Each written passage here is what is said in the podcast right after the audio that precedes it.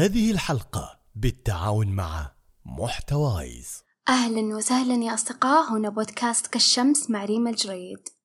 طبعا زي ما قلت في حلقة تفريغ المشاعر والسعادة آه إني بإذن الله ببدأ أستقبل استشارات عن بعد في تطبيق موعدي. والآن صار آه إنك تقدر تحجز موعد معاي هذا الشيء متاح. بحط لكم في صندوق الوصف رابط تطبيق عشان تقدرون تحجزون معاي موعد إذا حابين.